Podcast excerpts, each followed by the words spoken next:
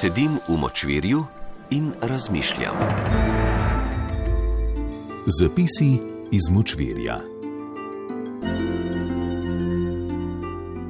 Nocoj je sveti večer.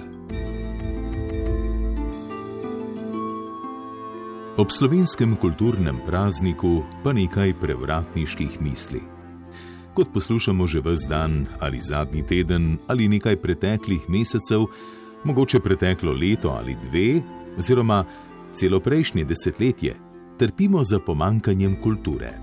V najširšem, kot tudi najožjem pomenu besede.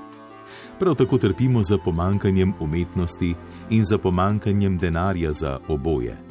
In situacija je res težka, ko pa k vsem tem nadlogam dodamo še korono, ki je kulturi oduzela odjemalce, postane situacija neuzdržna. Ampak, če so na kulturni premici razmere bolj kot ne jasne, se danes poskusimo ozreti na drugi konec, na nasprotno polovico, na kulturni antipod, skratka, v drugo smer, kjer kraljuje nekultura. Vsaj v teoretične namene stari bojni klic slovenstva. Zahtevamo več kulture, nadomestimo z eksperimentalnim. Zahtevamo manj nekulture. Zadeva je namreč naslednja. Do več kulture bomo težko prišli. Ministrstvo vodijo vsakokratne neoliberalne elite, umetniki so muhavi, trg je majhen, odjemalci smo obubožani, ko pa že pridemo v dvorano, postanemo navijači. Razen tega nas bremeni nikoli docela razčiščen odnos med ljubiteljsko in profesionalno kulturo, med neodvisnimi in državnimi umetniki, med kreativnostjo in navdihom, ter med kulturo, politiko in gospodarstvom.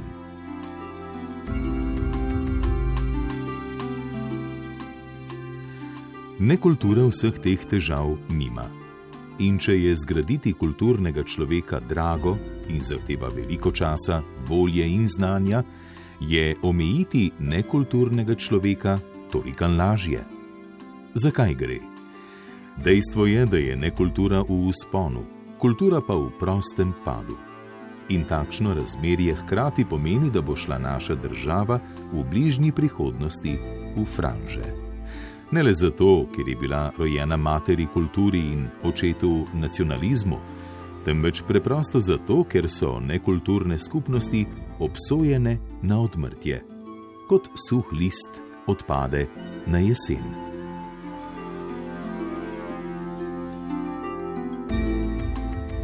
Če že ni, bo dan, ko bo nekultura prevladala nad kulturo, prišel prav k malu. Da razčistimo. Z nekulturo ne mislimo samo slabega, zavržnega ali spornega javnega vedenja ali pa trenutku nedoraslo etiketo. S prstom kažemo tudi ali predvsem na porast avtorskega izraza, ki je nevreden javne prezentacije.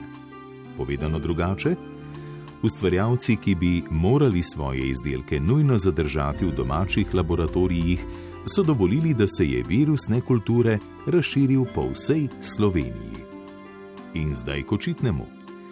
Če je kulturo v današnjih razmerah nemogoče gojiti ali bog ne daj plemenititi, bi lahko vsaj nekulturo omejili. Zato imamo veliko orodij, uredniške strukture javnih medijev, pedagoško stroko z vzgojnimi ustanovami, avtorske agencije, organe države in v skrajnih primerih celo vojsko in policijo. Kajti nekatere pojavne oblike, kot tudi nekateri izdelki nekulture, so tako zelo nezaslišani, da bi se morali z njimi spopasti organi pregona. Ampak nič od tega nismo naredili. Kulture ne gradimo, nekulturi pa dovolimo, da se razrašča.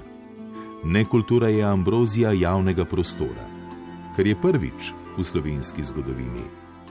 Če samo pogledamo v čas pesnika, ki je dal prazniku ime, recimo njega dni so se iz slabih pesnikov odkrito norčevali. Pa čeprav niso bili preširnovega posmeha deležni rimokovci, niti slučajno takšne katastrofe, kot so kosejskega današnji tovariši. Medtem, ko se jim je veliki Bart posmehoval, jih mi danes kujemo v zvezde in jim dajemo v roke ključe državnih proslav in preostalih ceremonialnih manifestacij, da širijo sveto preproščino po deželi slovenski. Zato se ob nocojšnjem svetem večeru vzdržimo nacionalnega jamranja nad usodo kulture in začnimo intenzivno iztrebljati nekulturo. Delo sicer ni vzvišeno, je pa učinkovito. thank you